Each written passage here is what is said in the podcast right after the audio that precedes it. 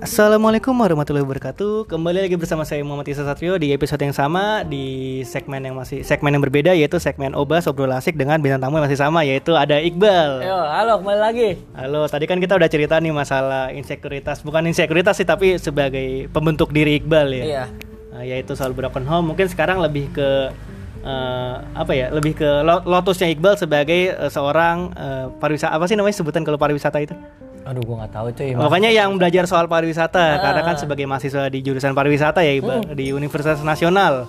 Universitas Nasional. Nah, ini kan sedikit, sedikit intermezzo ya. Jadi kan kita tahu lah bahwa PSBB ini eh, menghancurkan banyak sektor ekonomi. Iya, pasti. Dan yang paling parah tuh pasti ya sektor eko- sektor pariwisata kan, yang benar-benar terdampak apalagi kayak event organizer, lalu juga travel gitu-gitu kan sangat-sangat terdampak di awal bahkan bukan di pertengahan. Iya, Pak. Ma- Karena mereka nggak bisa melakukan apa mobilisasi untuk pergi misalnya kan, Mhm. untuk pergi-pergi ke tempat wisata.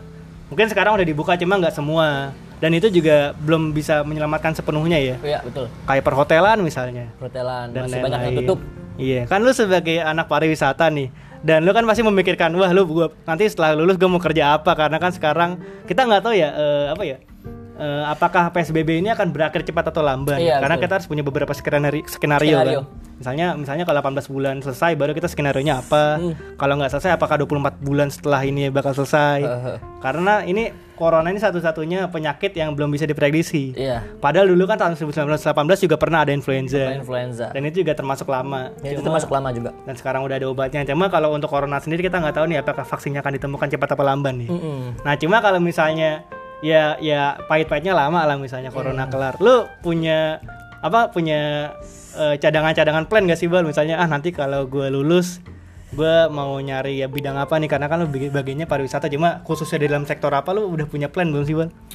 Sebenarnya gua, gua gua garis bawahi aja ya setelah. Hmm. Gue ini salah jurusan. Oh I see. Gue ini salah jurusan. Oke. Kenapa gue bilang salah jurusan? Karena kampus gua nggak terbuka masalah ini. Jadi sebenarnya itu gue target gua dan planning gue itu buat ke depannya itu gua bisa bekerja di dapur jadi chef. Oh oh kitchen iya. Makanya kenapa gue di sini di kan- di tempat ini sering masak. Oh, pantesan lu ngerti cara Iya. masak ikan. Oke. Karena gue hobi, Oh, hobi, hobi gue masak dan tujuan target dan planning gue itu gue masuk perguruan tinggi dengan jurusan perhotelan yang Khususnya di dapur. khususnya di dapur gitu Oh kan. iya. Dan waktu itu gue ke Unas dan melihat di situ ada eh, akademi pariwisata kan. Akademi pariwisata itu D3 Hmm. Oh, bukan I S1. see.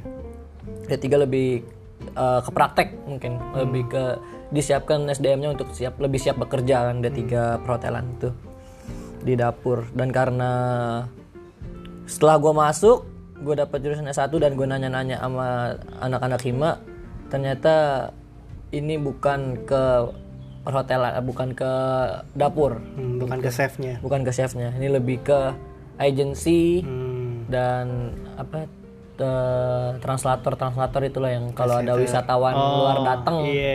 iya. terus io Penerjemah-penerjemah. Hmm, io event organizer dan yang berhubungan dengan manajemen lainnya lah Hmm. bukan ke dapur gitu agak melenceng sih cuman gua ngambil eh, ngambil maknanya nggak terlalu jauh juga sih gue bisa bekerja di hotel dengan tempat yang berbeda doang Hmm. gitu gue masih mencoba untuk menyamankan diri sebenarnya ya masih mencoba untuk menyamankan diri Iya. Sekarang karena- masih belum nyaman. iya belum nyaman juga kan karena teori-teori yang gue dapet itu sangat Berbeda. jauh gitu kan gue Oke. tuh bukan orang yang ya, bisa dibilang bukan orang yang gampang menerima teori gitu tapi bisa praktek Iya, lebih ke praktisnya ya. iya lebih ke praktisnya daripada teori karena kalau teori tuh pusing sebenarnya Iya, benar benar benar benar. Berarti lu salah termasuk yang salah jurusan ya ketika ekspektasi lu tuh pengennya ke dapur, bagian perhotelan, bagian dapur. Iya, lu betul. kenapa nggak coba tata buka di UNJ atau di universitas lain misalnya? Gini, setelah sebelum gue masuk kuliah ini, gue udah coba buat ngeriset di internet kampus-kampus mana aja yang punya tata boga. Hmm. Di situ gue dapet Trisakti, UNJ, dan Sahid. Oh, I see. Gitu, Sahid. Terus gue mikir dari dua kampus swasta eh, PTS ini per- perguruan tinggi swasta ini nggak bisa karena perekonomian gue kan Oh, I see. di Sahid dan Trisakti itu tinggi cuy biayanya dan di UNJ ini gue mikir dia negeri Hmm.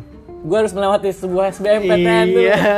Gitu loh. SBM atau mandiri dan lain-lain lah. Iya itu dia makanya gue akhirnya gue mencari jalan lain. Di gue nanya-nanya sama temen gue, lu ngambil akademi pariwisata gitu, akademi pariwisata. Ini jadi rekomendasi dari temen lu nih. Iya, Oh, Oke. karena tata boga, fokus gue kan emang tata boga kan. Iya. Cuman susah, cuman tiga, kan- tiga, kampus, kampus itu itu kalau nggak salah deh. Terus gue direkomendasiin sama teman-teman gue, gue nanya mana ya yang jurusan masak yang enak gini gini gini ke teman gue. Dia merekomendasi lu coba masuk akademi pariwisata gitu. Hmm. Oke, gue cari akademi pariwisata. Sebelumnya gue nemu di sekitar Pejaten. Itu akademi pariwisata Patria kalau nggak salah. Hmm. Dan itu biayanya gue nggak eh, nggak menyanggupi juga, nggak bisa menyanggupi. Dan akhirnya gue ke UNAS dan ternyata di UNAS gue salah jurusan cuy. Oke. Sialan. Gue udah masuk, gue baru nanya ternyata de- ternyata D3 pariwisata ini akademi pariwisatanya di UNAS ini udah ditutup dari tahun 2018. Oh, karena peminatnya dikit. Bukan peminatnya dikit. Nah, dia dari akademi pengen ke kelas fakultas gitu. Oh, oh, I see. Meningkat dari D3 ke S1. Makanya eh, akademinya ini ditiadakan dipindahkan ke seluruhnya dipindahkan ke S1. Oh, oke oke. Hmm. Ini seharusnya jadi tema discure nih. Insecure kan gara-gara salah jurusan kan? Kan?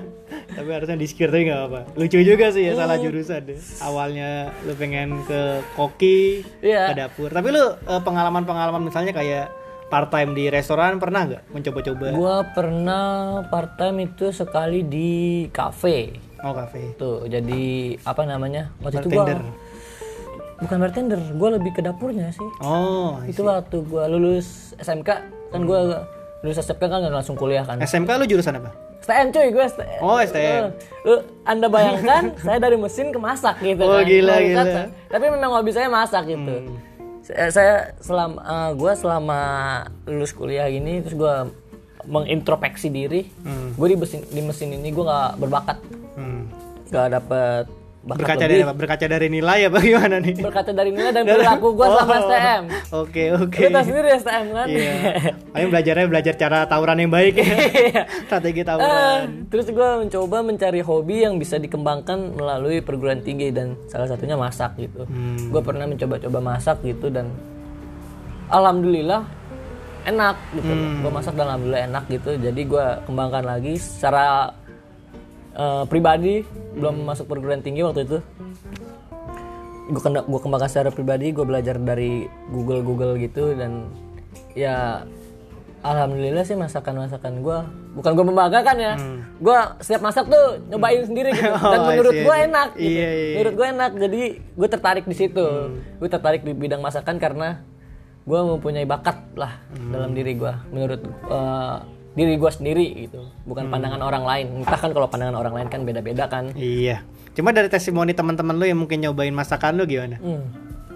Gua ntar dibilang dibilang ini nih. Nggak apa-apa, kan ini rasional kan teman-teman lu ngomong gini ya udah sampaikan faktanya nggak sebenarnya nggak selama nggak setiap masakan yang gue buat enak sih. Ada yang keasinan ada yang kurang mateng ada yang Proses belajar ya. iya ada yang Masih proses hambar juga kan ada yang hambar gitu cuman balik lagi gue kembangkan lagi gue kembangkan lagi karena memang gue pengen gue kembangkan secara serius.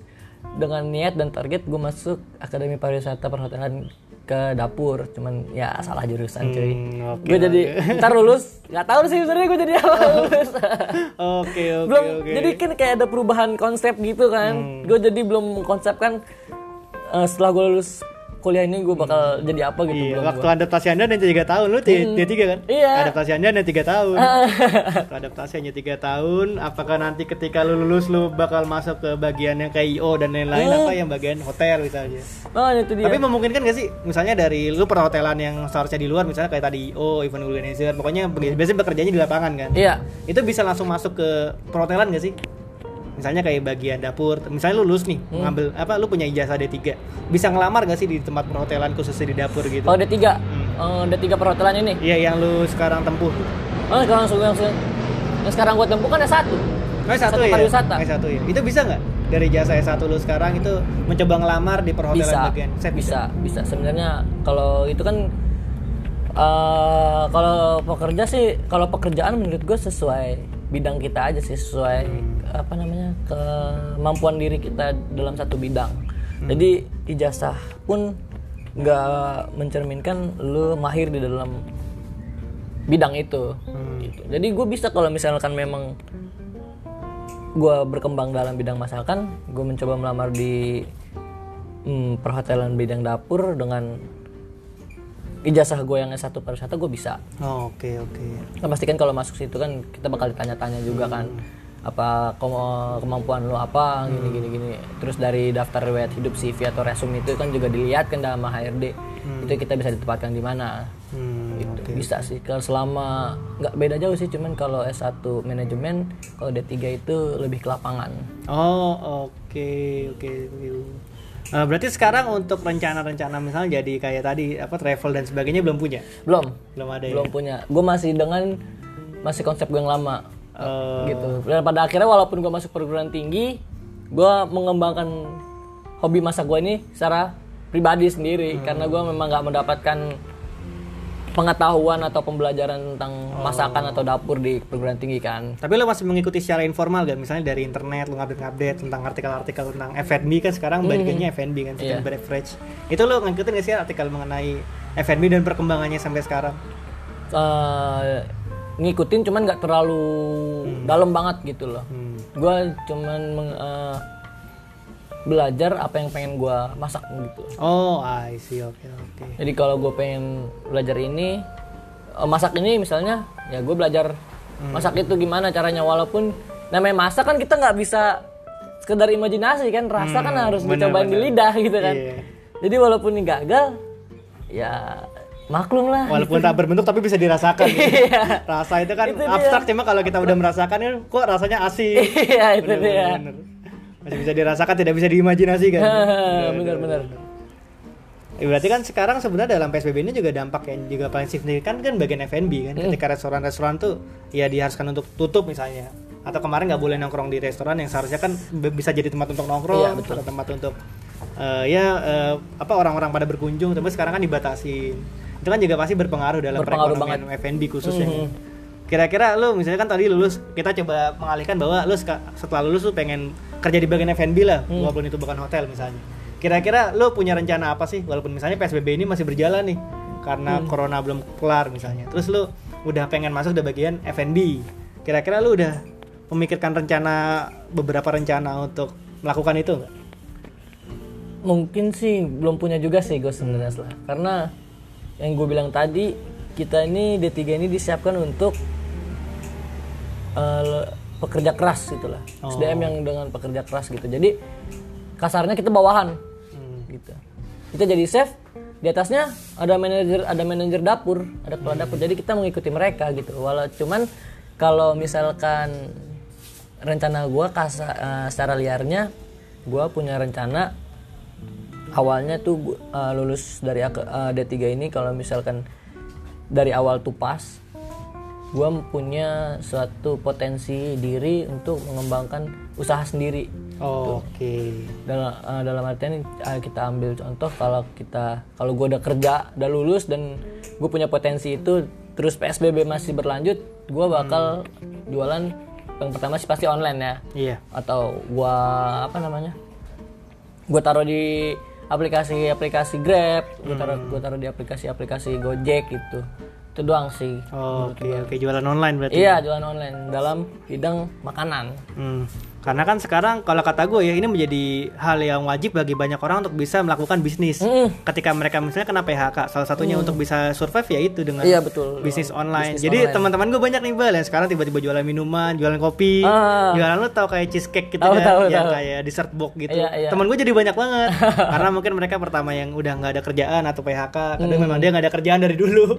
Cuma karena ini kesempatan nih. Iya, Jadi kalau kita hitung sebenarnya kompetitornya banyak banget jadinya. Banyak banget. Yang awalnya cuma berapa persen sekarang jadi berapa puluh persen nah misalnya. itu dia persaingannya juga lebih Persaingan lebih ketat. iya. Jadi gara-gara PSBB ini sekarang mereka kan di rumah harus punya inovasi-inovasi Inovasi, baru iya, kan. Hmm. betul untuk menghasilkan duit Iya.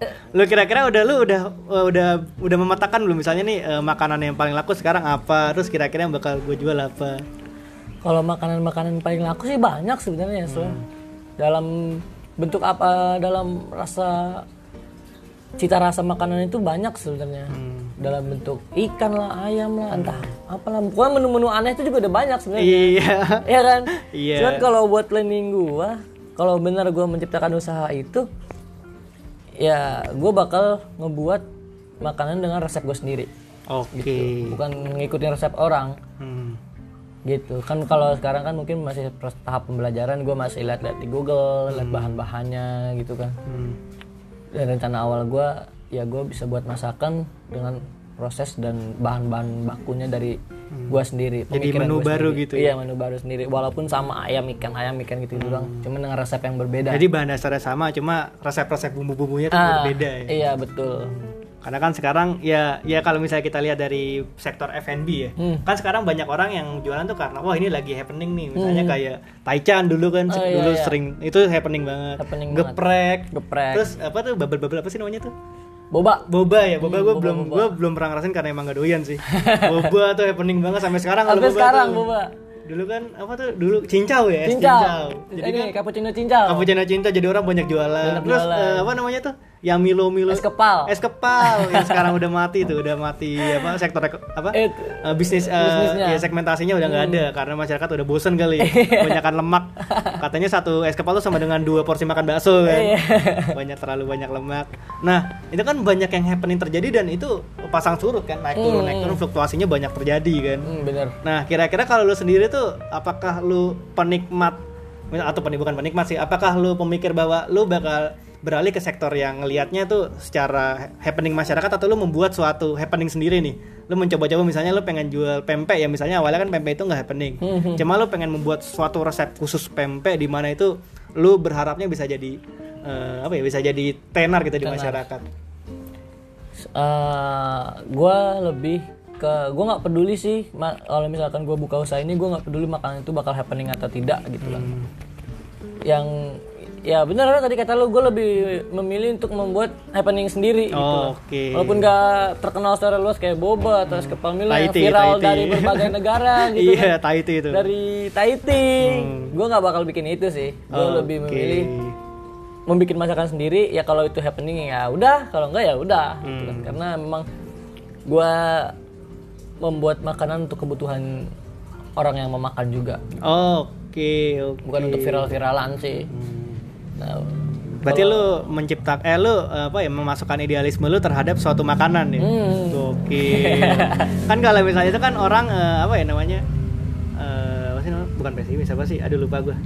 Oportunis ya biasanya Hmm. rata-rata. Ah, gua nyari makanan yang lagi happening biar jualan gua laku. Jadi kan Iya, hitung- dia kan mikirnya profit, profit. iya profit profit Jadi dia tidak mengam, dia meng- tidak menaruh value-nya terhadap makanan, dia menaruh value terhadap profitnya, sehingga dia jualan ini misalnya. Hmm. iya betul jadi Itu kan- kayak ikut-ikutan Iya, pemikiran bisnismen dan itu nggak salah. hmm. Dan emang karena mungkin kebutuhan mereka untuk Iya, menciptakan betul. duit. Cuma kalau lu sendiri tuh apakah nanti ketika lu membuat usaha itu, lu itu untuk bertahan hidup atau value-nya lebih kuat untuk ke makanan. Jadi lu menciptakan value itu ke makanan, bukan ke bertahanan hidup lu bertahan, nih. bertahan hidup ya Hmm. gua menciptakan makanan untuk bertahan hidup gitu Oh, oke. menciptakan makanan dan gue jual untuk kebutuhan gue. Hmm. Gue me gue menciptakan sebuah kebutuhan orang lain dan kebutuhan orang lain itu bisa gue bisa gue hasilkan untuk kebutuhan hidup gue. Oh. Kayak berputar ber- ber- ber- berputar gitu sih. Hmm. Gue kasarnya gue ngeluarin duit buat beli bahan makanan, gue gua uh, masak, terus gue jual pakai gue jual, terus gue dapat duit dari pembeli itu gue putar lagi Hmm. gitu dan buat kebutuhan hidup Jadi juga sih kebutuhan hidup dari karya, karyanya kan Ah, sebuah masakan nih. iya Iya. jadi gua nggak menaruh makanan eh, gua nggak menaruh gimana ya bahasanya ya gua nggak menaruh suatu yang happening yang bakal gua jual terus bakal men- eh, bakal untuk kebutuhan hidup gua. Gua lebih gua lebih ke menjual mak sama sih sebenarnya sih konsepnya cuman gue susah, juga susah menjelaskan Iya, sih sebenarnya ya. Setelah ya begitulah gitu. Ini baru pemikiran kasar lah, Iya, pemikiran abstrak lah kasar ya. abstrak. Secara liar doang Nggak lah bayangan-bayangan doang gitu Ini kan. harapan juga sebenarnya. Hmm, harapan harapan. Hmm. Oke oke. Menarik ya.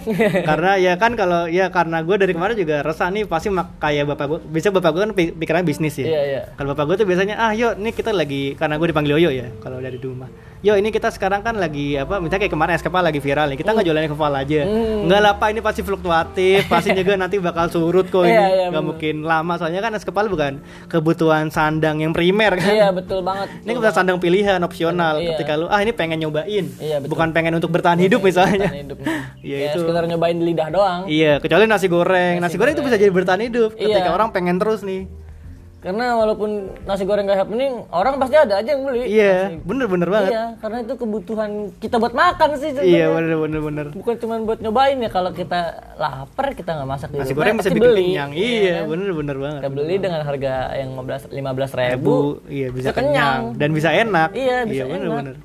Gila gila. Itu yang gue pikirin sih. Hmm. Karena kan ya kalau gue belum belum punya jiwa bisnismen kayak bapak gue kan, Hmm, mencari profit misalnya dan itu nggak salah juga. Iya itu nggak salah itu juga. dalam ranah, oh itu ranah moral mah gue nggak bisa ngomong ya. Iya iya benar. Karena gue nggak mau ngomong ke ranah moral. Tapi masakan yang paling enak itu biasanya apa bal? Masakan misalnya lu masak tuh, lu merasa bahwa oh ini masakan superior gue nih anjay. Masakan paling enak yang pernah gue bikin Iya. itu sebenarnya kemarin gue masak di sini tuh gue lupa ikan apa ya namanya. Ah. Gue lupa pokoknya ikan apa gue dapet ik- eh, di sini tuh dapat kiriman ikan dan gue ngolah itu Hmm. pindang. Oh. Namanya pindang. Namanya ikan pindang. Ikan pindang. Tapi gue gue lupa nama ikannya apa itu. Semua ikan dengan sebuah nama tuh gue masukin satu lah. Oke, Gua Goreng gue oke. masukin satu itu dan menurut gue itu lumayan sih dan respon anak-anak di sini sih juga Seneng. alhamdulillah bagus dan seneng. Oh, dan minta lu masakin terus ya. lu dieksploitasi. Enggak canda. Canda canda. Oke oke. Itu masakan lu yang termasuk yang paling Iya, enak yang ya. paling enak sih itu dong sih pindang itu. Itu bener-bener secara pribadi gue aja gue terkagum-kagum gitu. Kok gue bisa masak ini? iya, aku gue bisa masak gini gitu. Oh. Padahal dengan dasar gue nyontek Hmm. dengan dasar gue nyontek nyontek ke mana nyontek ke Google. Oh, Oke oke. Gue ngeliat bahan-bahannya tuh ngeliat, ngeliat bahan-bahan di Google dulu gitu kan. Hmm. Dan gue mencoba improvement sendiri tentang rasa dan improvement teman-teman di sini kan ini udah keasinan atau belum, udah kemanisan atau tidak gitu kan. Hmm. Jadi itu sih yang paling superior buat gue itu pindang itu. Salah satunya itu iya. ya? Dan buat gue tuh itu enak banget cuy. Oke. Sumpah buat gue sendiri tuh itu enak banget cuy. Itu suatu kebanggaan gitu. Iya iya yang enggak masterpiece gitu. Yang lu enggak merasa bahwa kok gue bisa kayak gini. Iya, betul, betul banget. Yang lu Ini- enggak menyangka-nyangka. Gue cobain itu pindang, wih ini bener enak, enak, ini enak banget anjing. Itu gue gue sendiri yang masak padahal. Hmm. Oh, Gue oke terkagum-kagum oke. gitu. Sampai terbingung-bingung gitu kan kayak anjir lah ini enak banget gitu. Hmm. Eh. Jadi kayak rasa pengen masak itu lagi gitu kan. Atau mau coba bisnisin itu, Mbak? Bisa jadi kan? Bisa jadi. Kayaknya kan ikan pindang itu jarang. Oh, Pak, di seafood gue nggak tahu karena gue Hmm. Iya, seafood. Cuma iya. mungkin di restoran seafood ada. Cuma gue nggak tahu nih. Mungkin secara online misalnya. Hmm. Ikan pindang online, jualan. Kayaknya sabi tuh, Bal. Sabi. Cuman karena itu berkuah jadi susah tempatnya. Oh iya, oh iya kuah ya. Berkuah. Ha. Bener bener bener. Kalau di Jakarta sih kayaknya dikit pindang ya. Dikit Paling ikan cuma pindang. restoran-restoran ini doang. Seafood restoran-restoran yang lu harus seafood. ke tempatnya. Iya, itu juga nggak semua restoran seafood sih. Kayak Hmm. paling di restoran-restoran besar kayak apa yang di Ancol namanya? Aduh, lupa gue, boy. Gue nggak pernah makan pokoknya seafood. restoran yang situ Iya, kalau restoran seafood sana lah. Ah, restoran yang di Ancol itu. Oh, Bandar Jakarta. Oke. Bandar Jakarta sama ini The Coast. Oh, The Restoran iya. Kalau The. Coast di Iya. mall-mall ada. Iya. Itu sih ada, udah pasti ada sih kalau di situ karena mereka memang kan eksistensi dan substansi mereka kan besar kan. Iya. Kalau secara restoran gitu udah Cabangnya banyak. banyak juga udah gede gitu kan masih ada. Cuman kalau di kayak restoran-restoran seafood biasa jarang ada sih si pindang itu. Gue juga kemarin masak juga sekilas ini doang sih, sekilas pengen eksperimen. iya, iya. gitu eksperimen jadi kalau masak tuh bagian eksperimennya paling enak ya? iya, Iya, iya. paling itu gue masak tuh dua jam cuy, sumpah. Gila, gila. Itu kalau sampai nunggu orang gue masak di restoran nunggu dua jam itu orang Orang pada pulang orang semua. pada pulang duluan. Nggak laku Iya. restoran lu ya? Iya. Iya, iya. Itu dua jam bener-bener dua jam gitu kan karena Hmm. gue juga belum bisa masak secara cepat gitu kan. Hmm. Itu juga sih. Jadi masaknya masih menggunakan rasa, Iya. ada kecepatan ya rasa lu bawa. Ini gimana nih caranya nih biar enak nih? Iya itu dia jadi nggak kayak aduh ini takut enak, takut keasinan gitu ya. Brainstorming dirinya tuh dari rasa ya, bukan dari Eh, cepet ya. eh, terus pas, pas gue cobain tuh enak banget. Oh lu kemarin nggak ada sih di sini. Enak banget sih sumpah. Iya iya. iya. Asli. Kayaknya ntar gue, tapi gue gak ada ikan sih bal. Piting. Rajungan suka gak? Gue gak pernah makan seafood sih. Enak Sama, sih. Iya. Seafood tuh enak tuh sumpah. Emang iya, gue apa ya kayak seafood kayak rasa ih kayak nggak doyan gitu. Iya, lu Beberapa kali gue udang pernah muntah pas masih kecil, Hmm. udang muntah, ikan muntah.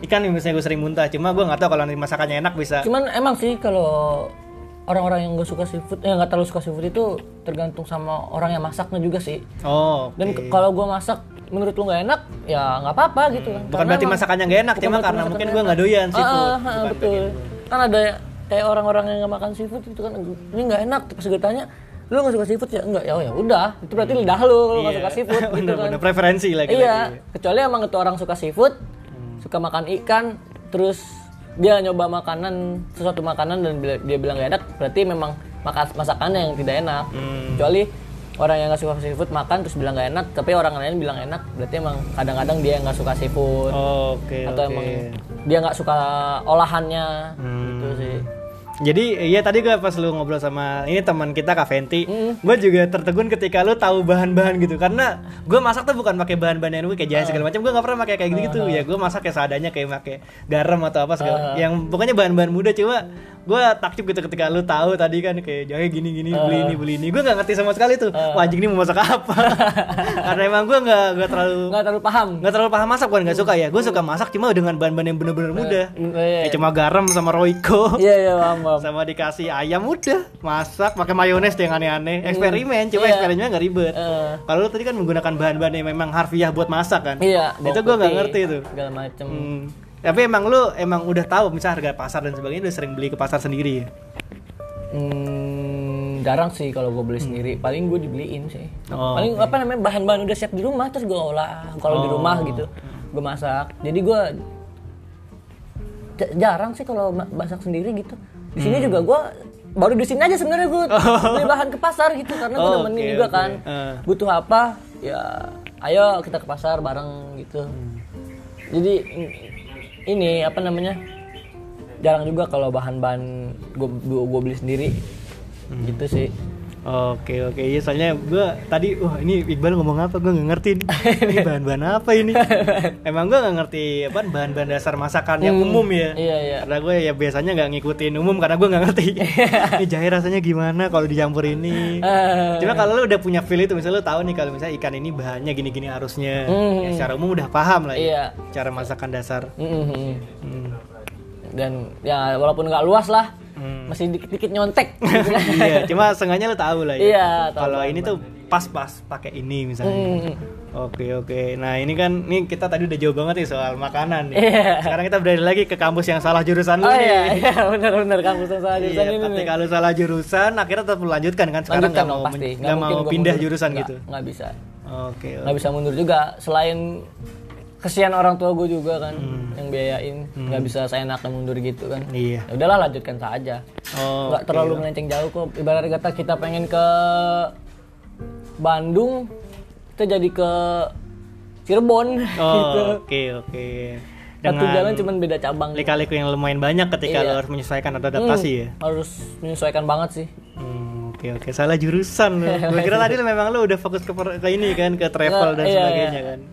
Iya, Eh, mungkin eh, kan ini sekarang juga kampus Unas ya. iya Unas Di kampus Unas sendiri kan juga yang kita tahu kalau misalnya kalian teman-teman dengar dari bangsa mahasiswa atau Instagram Instagram sejenis ya, Hmm. official akun, misalnya komunitas atau organisasi yang fokus terhadap isu-isu kemahasiswaan. Sih, kemana- Sekarang kan lagi membahas nih masalah permasalahan di beberapa kampus salah satunya di Iya, Unas. salah satunya di Unas Dengan yang gua tahu ya mungkin nanti bisa diperbaiki sama Iqbal. Itu tuh ada permasalahan mengenai UKT yang tidak diturunkan. hmm.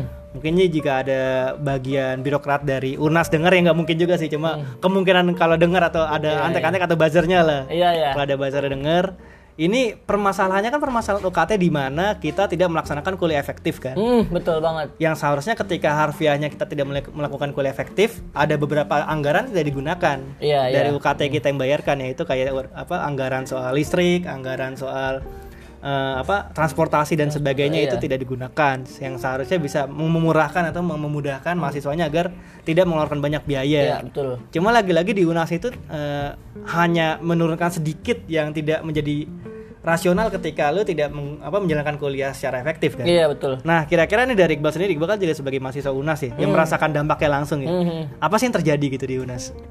yang terjadi sih sebenarnya itu ya eh, pembayaran biaya kuliah itu mungkin eh, kalau di kampus-kampus itu UKT di UNAS juga ada mungkin UKT cuman kita nyebutnya ini UPS UPS. uang pembayaran per semester gitu. Oh, iya. jadi di UNAS ini tipe pembayarannya itu kita per semester bisa dicicil per bulan selama semester itu berlangsung gitu selama empat bulan Jadi kalau jurusan gua pariwisata ini eh, per semester itu selama 4 bulan per semester itu sekitar 6 juta dan dicicil per bulan itu sebesar 1,450 Iya, 1,4-an. 450 dan itu cuman ada pemotongan 100 ribu satu kali pembayaran di bulan Mei atau April pas kita UTS. Di salah satu bulan dari empat bulan itu. Ah, ah.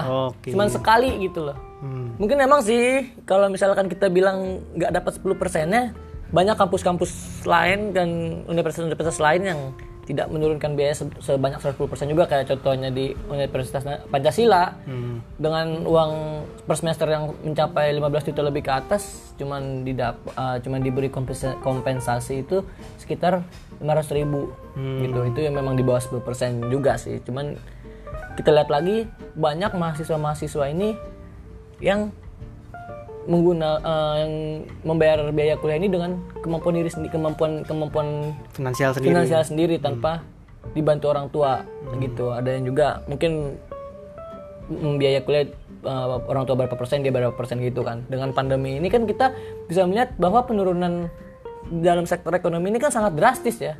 Dalam pekerjaan apa pun termasuk ojek online bahkan ada orang tua orang tua yang di PHK mungkin dari mahasiswa dari mahasiswa itu kan. Dan penjualan-penjualan seperti yang tadi kita bahas itu F&B juga berkurang kan? Itu juga mm, membuat dampak kepada pembayaran kuliah juga sih sebenarnya gitu. Dan di UNES ini cuma dikasih tadi cuma dikasih 100.000 ribu dalam satu dalam satu kali pembayaran doang. Oh, jadi setelah UTS eh, pembayaran UTS ini kita dikasih potongan 100.000 ribu setelah itu kita nggak dapat apa pun lagi. Hmm. Gitu Dari UNAS ada keterbukaan nggak sih misalnya Tidak dari ada birokrat? Nggak ada keterbukaan ada mengenai distribusi apa, apa eh, IP, IPS ya namanya? Eh UPS. U- UPS. ya? UPS. UPS itu distribusinya ke mana-mana, bagian mana itu nggak ada nggak ada keterbukaan. nggak ada keterbukaan sama sekali bahkan kita pun mencari data audit sendiri Oh, audit mandiri ya iya dari mahasiswa. sendiri dari mahasiswanya sendiri dari organisasi-organisasi mahasiswa yang ada di kampus gitu dari Hmm. hima dari organisasi eksternal gitu kan kayak gue gabung di salah satu organisasi eksternal gitu kita mencari data itu sendiri Hmm. bener-bener jadi kita mencari dari pembayaran mahasiswa per fakultas itu berapa totalnya total mahasiswa itu berapa kita totalin kita nanya-nanya gaji- gaji dosen rata-rata berapa Hmm. kita bikin rilis terus ya udah itu doang jadi bener-bener nggak ada transparansi dari kampus apa pun itu Hmm. sebenarnya bahkan yang gue tadi bilang gue salah jurusan pun itu nggak ada transparansi dari kampus gitu loh Oh, bahkan pelajaran dari jurusan itu tuh nggak transparan gitu. Hmm, nggak transparan sama sekali jadi gue nanya jurusan ya udah di tahu di sekitar itu doang jadi nggak terlalu transpa- transparan banget Hmm. itulah ini masalah terus juga kita sempat melakukan demo-demo online kan tuh di Instagram di Iya, menggunakan tagar misalnya. Hmm, menggunakan tagar dan kita juga punya platform akun Instagram Hmm. Unas gawat darurat. Gokil. Biarin lah nih kalau ada buzzer Unas Hmm, yang denger. nggak apa-apa. Santai. santai gitu kan itu kita melakukan demo online di situ dan ada beberapa beberapa mahasiswa yang dipanggil Hmm. Mendapatkan Surat surat, teguran. teguran klarifikasi untuk ke kampus. Eh, klarifikasi ke, ke pihak kampus. Dan itu di, ada ancamannya sendiri buat orang-orang yang terpanggil itu.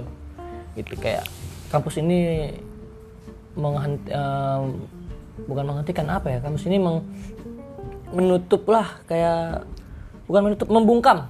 Hmm. membungkam hak-hak mahasiswa gitu loh. Sementara kan kita tahu sendiri kan mahasiswa itu harus apa? Hmm. kan? Dan di kampus kita ini kita merasa dibungkam gitu. Oke, Apalagi jadi dengan biaya UKT ini kan kita iya. juga banyak melihat. Oh, di kampus gua banyak salah jadi mahasiswa-mahasiswa ini yang yang apa ya mahasiswa-mahasiswa ini yang bener-bener biaya kuliahnya itu dari hasilnya dia sendiri.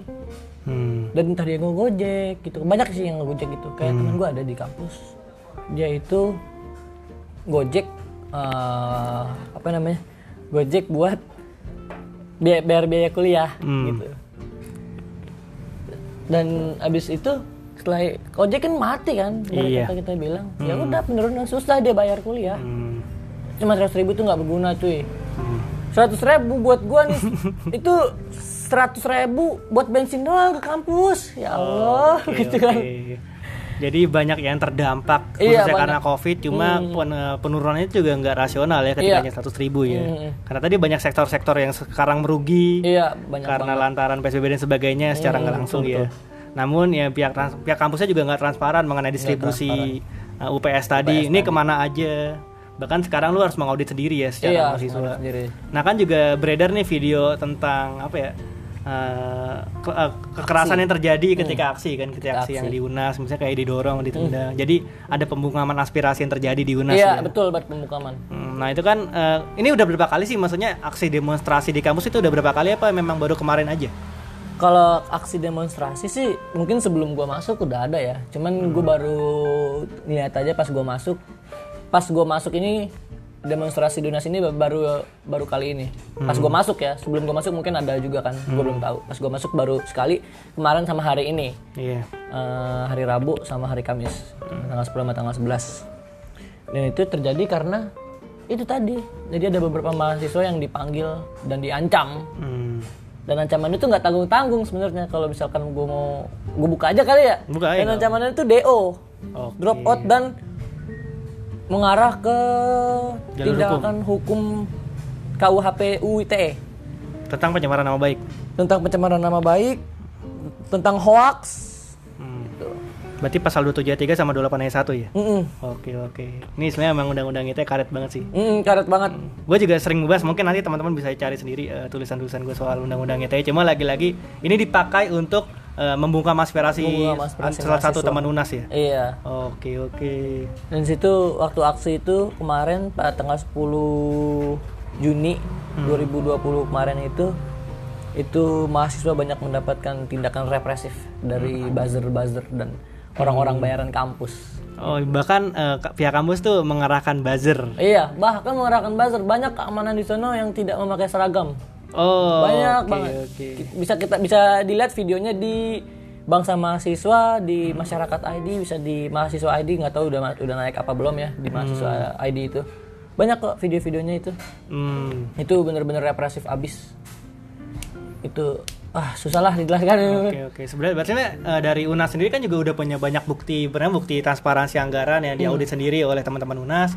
Kedua juga ada bukti video apa tadi eh, kekerasan terjadi sama eh, lem- apa bahkan eh, orang-orang yang sebenarnya nggak punya legalitas untuk bisa melakukan kekerasan kayak pengamanan tadi kan Betul. pengamanan tanpa seragam itu kan nggak punya legalitas ya. Punya legalitas. Jadi bisa dilaporkan. Bisa dilaporkan. Jadi pokoknya udah banyak bukti yang udah dipegang sama teman-teman UNAS kan sebagai aliansi tadi ya. Iya. Aliansi UNAS ini pernah menggunakan jalur hukum nggak sih untuk membantu teman-teman UNAS misalnya kayak di LBH atau di Ombudsman pernah men- mencoba untuk melakukan jalur hukum gitu nggak?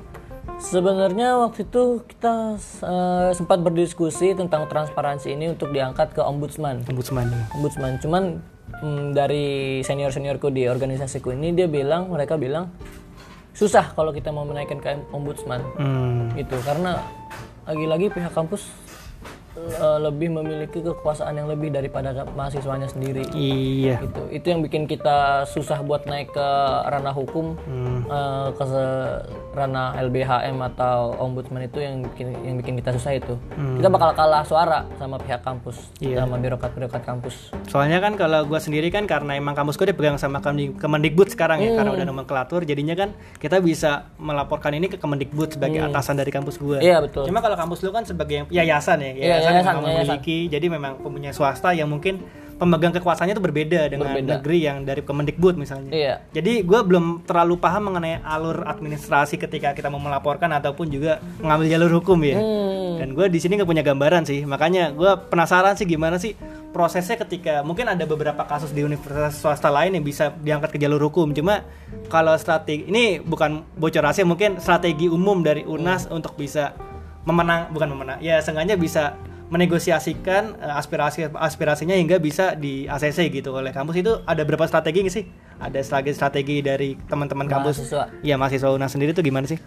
dari, dari mahasiswa sudah mengajak sudah mengajak kam- pihak kampus ini buat Audiensi gitu. audiensi buat berdiskusi secara terbuka gitu loh di kampus. Cuman lagi-lagi pihak kampus ini benar-benar menolak sama sekali.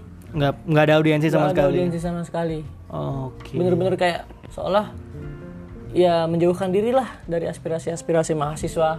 Hmm, Kayak nggak mencerminkan bahwa Universitas Nasional itu sebagai universitas. hmm. sebagai ruang dialektik ya, iya sebagai ruang sebagai diskusi. ranah diskusi Ruang akademik itu kan ruang bebas dialektik. Hmm, betul banget. Dan dan Unas nih, gua ma gua mahasiswa Unas dan gua merasakan walaupun baru, gua merasakan Unas itu nggak mencerminkan sebuah perguruan tinggi. Oke, karena Oke, dia mengenal Tridharma perguruan tinggi. Mungkin eh, teman-teman yang mahasiswa tahu lah perguruan Tridharma tinggi itu apa aja. Cuman menurut gua mereka tidak mencerminkan Tridharma tinggi, Tri- Tridharma perguruan tinggi itu. dengan tadi pembungkaman aspirasi, Pembungkaman dengan aspirasi. DO dan lain-lain. Iya, ancaman-ancaman seperti itu dan tindakan-tindakan represif Hmm. itu bener-bener jauh sih kalau menurut gua. Ber- ya gimana ya? Susah juga sih kita menjelaskan secara detailnya juga kan. Hmm, bener bener bener.